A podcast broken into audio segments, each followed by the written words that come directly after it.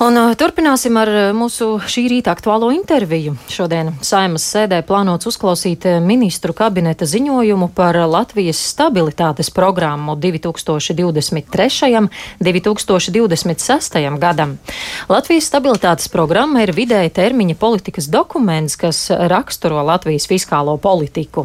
Kādi ir turpmākie makroekonomiskās attīstības scenāriji Latvijai un kas līdz ar to gaidāms nodokļu sistēmā? Lai par to runātu, studijā šorīt esam aicinājuši finanšu ministru Arvilu Ašerādenu no jaunās vienotības. Labrīt! Labrīt! Pirms mēs sākam par finansēm un ekonomiku, vēlamies jums arī vaicāt, kā ministru kabineta pārstāvim, kāds jūsu viedoklis ir par mm, Jēkabpils novadā notikušo traģisko slepkavību un e, pašreiz par to, kas notiek, un arī sabiedrības viedokļiem, vai jums nešķiet, ka kādam vajadzētu uzņemties atbildību un atkāpties? Nu vispirms jau jāsaka to, ka jāsaka, līdzjūtība ir bojā gājušās ģimenei, un uh, jautājums, vai šādu notikumu varēja novērst, viennozīmīgi varēja novērst. Un, um, attiecībā uz, uz, uz to situāciju, kā viņi radās, nu, mēs esam zināmā situācijā, ka nu, es esmu teiksim, tā, valsts pārstāvi, bieži vien turās pie nu, dažādu veidu papīriem. Te mums ir tāda un tāda rīcība, un mēs tajā. Un, un to es saskaros arī ikdienā ar savu darbu. Bieži redzu, ka mēs pazaudējam to jēgu, substanci, galvenos uzdevumus, kādēļ mēs, mēs uh, esam aicināti darīt savu darbu, to misijas apziņu. Un, un, attiecīgi, šeit bija cilvēkiem, kas, kuriem bija jānodrošina cilvēku drošība. Nu, šķiet, es neesmu eksperts šajā jomā, bet nu, vismaz tā man šķiet, ka tas ir. Tad atbildība būtu jāuzņemas. Es domāju, ka jā. Mm. Turpināsim tad par ekonomiku. Šodien par Latvijas stabilitātes programmu runāsiet saimā. Kas ir tas galvenais akcents, ko jūs vēlaties uzsvērt, uz ko ir jāvērš uzmanība? Nu, jātiek skaidrībā, kas ir stabilitātes programma. Tātad uh, Finanšu ministrija katru gadu sagatavo budžetu un liek saimai priekšā, kā viņa, kādā veidā tērēt līdzekļus, lai labāk varētu attīstīties valsts kopumā. Uh, lai to varētu darīt, ir, ir viens tāds dokuments, kas ir ceļa kārta nākamajiem trim gadiem, kuros mēs redzam, kā lietas attīstīsies. Un tas ir ļoti svarīgi prognozēt to, kas notiks no tiem zināmiem apstākļiem, kas mums ir no tām lietām, ko mēs šobrīd zinām. Tātad mēs skatāmies nākamos trīs gadus priekšā priekšu. Tas svarīgākais, ko es šobrīd arī šodien saimai pateikšu, ka Latvijas stabilitātes programma apliecina, ka Latvijas publiskās finanses ir stabilas un ilgspējīgas. Ja? Tātad, ja mēs skatāmies īsumā par tām galvenajām ziņām, ekonomiskā izaugsme šogad visticamāk būs neitrāla. Ja? Mēs domājam, varbūt būs negatīva, bet To mēs īsti nezinām, bet eksperti domā, ka viņi būs nulles līmenī. Tāda nebūs. Bet atgriežas ekonomiskā izaugsme nākamajos gados, tātad 2,8, 2,9% līmenī. Tā ir viena lieta. Nākamais ir valsts parāds, ir ļoti stabils. Jā, tātad mēs, esam, mēs bijām pārsnieguši 40% līmeni, pašlaik mēs stabilizējamies un mēs iesim zem 40%. Jā. Tātad tas, kas svarīgākā ziņa sabiedrībā ir tā, ka valstī vēl joprojām ir rezerves. Jā, ja gadījumā nāk vēl kāda krīze priekšā, mēs viņus redzam, tad bija Covid, Covid tad ir karš. Ja katrā ziņā mums ir tā saucamais drošības pilvens, ar kuru mēs varam pārvarēt. Nu, tā kā iepriekšējos gados bija jāpārvar kaut vai enerģētikas krīze, ja tā, tāda rezerve mums ir, un, un mēs šādi varam rīkoties. Arī Latvijas starptautiskā reputācija ir ļoti augsta. Ja, tas kredītreitings Latvijā ir saglabājies augstajā A līmenī. Ir dažādas aģentūras, dažādi viņu vērtē, bet kopumā mēs esam A līmenī. Pie tās, mēs esam pie tās grupas, kur Latvijas vērtspapīrs pērk Ja? Un uh, viņi ir labās cenās. Labi, mums jārēķinās to, ka ieceno to, ka mēs dzīvojam blakus agresoram, ja? bet katrā ziņā mēs varam aizņemties starptautiskos tirgos, nodrošināt vēl kādu krīzi. Un, uh, ja mēs runājam par Latvijas publisko finanšu ilgspēju, riski ir ļoti zemi. Mēs esam līdzīgā grupā kā Skandināvijas valsts. Tagad tie būtu tie galvenie, galvenais, ko es varētu teikt. Nu, tas viss uh, vairāk vai mazāk ir labas ziņas, ko jūs minat. Ir arī kas tāds satraucošs, kam jāpievērš īpaša uzmanība. Nu, mums ir ļoti daudz jautājumu, kas mums būtu jārisina. Viens jautājums mums ir demogrāfija, kas nenoliedzami kļūst arī par makroekonomisku jautājumu. Sabiedrība noveco, Otrs lielais jautājums ir tas, ko mēs redzam. Mēs esam, no ekonomika vienmēr ir par līdzsvaru. Un, ja mēs skatāmies tādā tautsājumniecībā, vienmēr ir līdzsvarā. Pusi iedzīvotāji strādā, un otru uztur otru pusi. Tas būtu bērni vai pensionāri.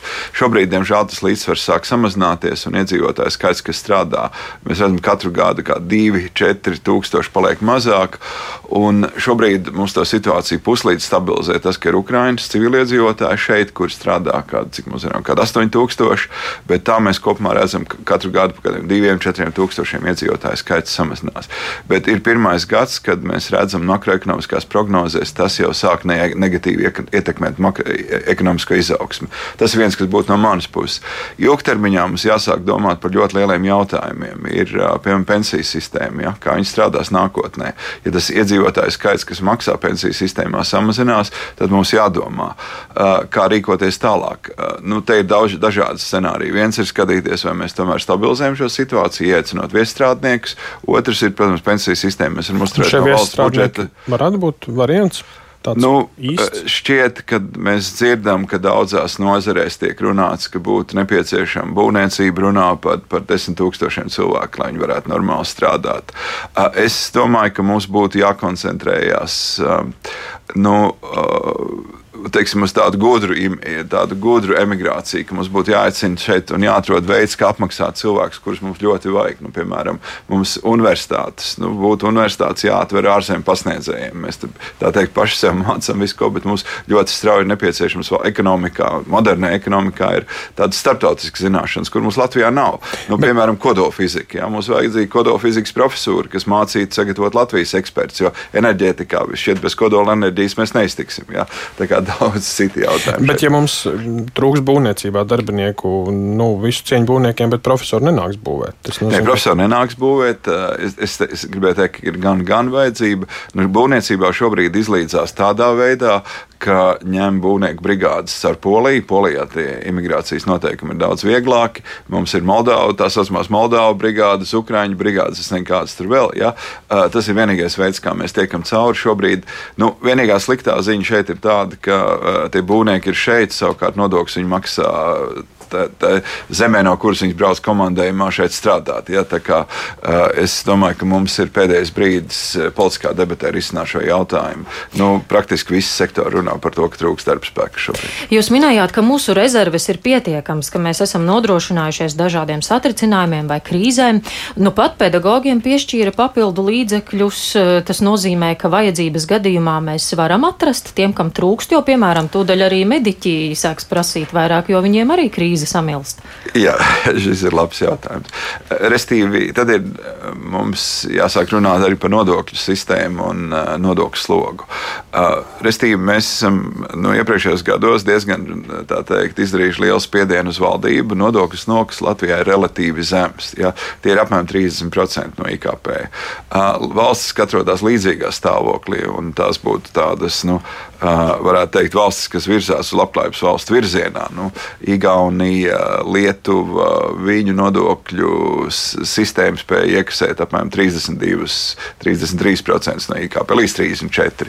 Mēs esam atpaliekam no tā, nu, apmēram par, nu, salīdzinot pret Igauniju par pusotru IKP procentu punktu. Tad mums būtu jāmaina nodokļos. Tātad tas ir tas, kas šobrīd notiek, ir intensīvi, katru nedēļu nāk kopā nodokļu, tā teikt, darba, nodokļu revīzijas darba grupa, kur ir gan politiskie partneri, gan sociālai partneri. Notiek intensīvas diskusijas, kā šo jautājumu atrisināt. Kad sabiedrībai varēs būt kaut kas jau redzams no šīm sarunām? Tātad mums ir uzdevums augusta beigās nākt valdībā ar, ar ziņojumu. Tad, tad tad arī, tad arī es varēšu precīzāk iedot detaļas. Bet viens ir skaidrs, ka mums šī sistēma ir jāmaina par labu tam, lai mēs varētu nofinansēt deficītus. Nu, lielākais, nu, mums drusku jāsaprot, viena lieta ir valstī kopumā, mēs skatāmies, kā ir izmainījusies teikt, finanšu ministrijas rēķins. Teiksim, tā ir drošības, rē, drošības izmaksas ir pieaugušas pamatīgi. Ja mēs tātad esam augšā pie 3%, kas ir viens no lielākām Eiropas Savienībā, arī tagad pieaug iekšējās drošības rēķins. Mēs mācoties no situācijas Ukrajinā, pārstrukturējam ļoti daudz sociālās sistēmas. Nu, lūk, un palikuši divas lietas - izglītība un veselības aprūpe. Nu, veselības aprūpe ir pilnīgi skaidrs, ka mēs nedodam pietiekamu finansējumu. No nu, tā sistēma ir jāmaina, mums jāatrod veids, kā mēs to darām. Par nodokļiem mēs varētu skatīties vairāk celšanas virzienā vai tādas gudras pārskatīšanas, ka neobligāti tas nozīmē. Es celšanu. nesteigtos apgalvot, ka mums obligāti ir jāceļ eh, nodokļi. Skatīsimies, kā mēs to darām. Ir diezgan daudz jāpamaina. Mums ir ļoti daudz atlaižu, vis visādu atvieglojumu, tādu un vienādu un otrādi. Uh, Es domāju, ka ir daudz kabatiņu un kabatu. Ja, tā kā es šī brīdī teikšu, ka mēs palielināsim šo sistēmu, vēl, protams, arī ir ēna ekonomika. Ja, mēs esam uh, dažādi rēķināši, ir profesori, kas rēķina kalkulē kopējo skaitli. Nu, mēs izgājām cauri tā ļoti praktiski, izgājām cauri ar uh, teiksim, tā, finanšu asociāciju. Tātad mums ir cipari, ko teikt, iedzīvotāji iemaksā bankomātos, to mēs redzam. Tāpat tas valsts ieņēmuma dienas rēķina tā saucamā nodokļu plājas. Nu, mēs redzam, ka apmēram mēneša ekonomikā viens miljards eiro klejoja. Nu, tā ir nauda, ko mēs varētu iegūt. Ja tā būtu nu, tātad ne visa, bet, teiksim, ja, ja mēs reiķinātu nodokļus pret to, jā, tad tas būtu tas, pavisam īsi, vēl, pavisam īsi vēl noslēgumā gribēju prasīt, izdevās atrast naudu pedagogiem nedaudz, tomēr, nu, ne nedaudz, bet pielikt to, ko prasīja. No kā tas ir paņemts? Kam nebūs? Pamatā ir tas pēdējais piešķīrums bija līdzekļiem neparedzētiem gadījumiem.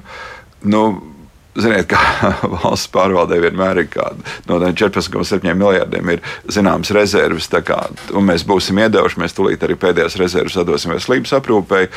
Šķiet, būs, man liekas, būs piešķīrums 11 miljoni. Mēs plānojam. Tālāk nākamais ir tūlītās māja otrā pusē. Jau premjerministrs ir devis uzdevumu visām ministrijām pārskatīt iekšējos izdevumus, lai nodrošinātu veselības aprūpes budžetu. Un es sākšu māja beigās sarunas ar ministrijām par to, kā mēs pārgrupējam sagrupēsim izmaksas no, no pāriem uh, ministriju kontiem, lai varētu nosakt šo rēķinu. Nu, tā tad vēl var atrast kaut ko. Paldies! Vienmēr var atrast. Jā, paldies, paldies par sarunu, teiksim, finanšu ministram Ārvēlam Ašrādenam no jaunās vienotības. Paldies!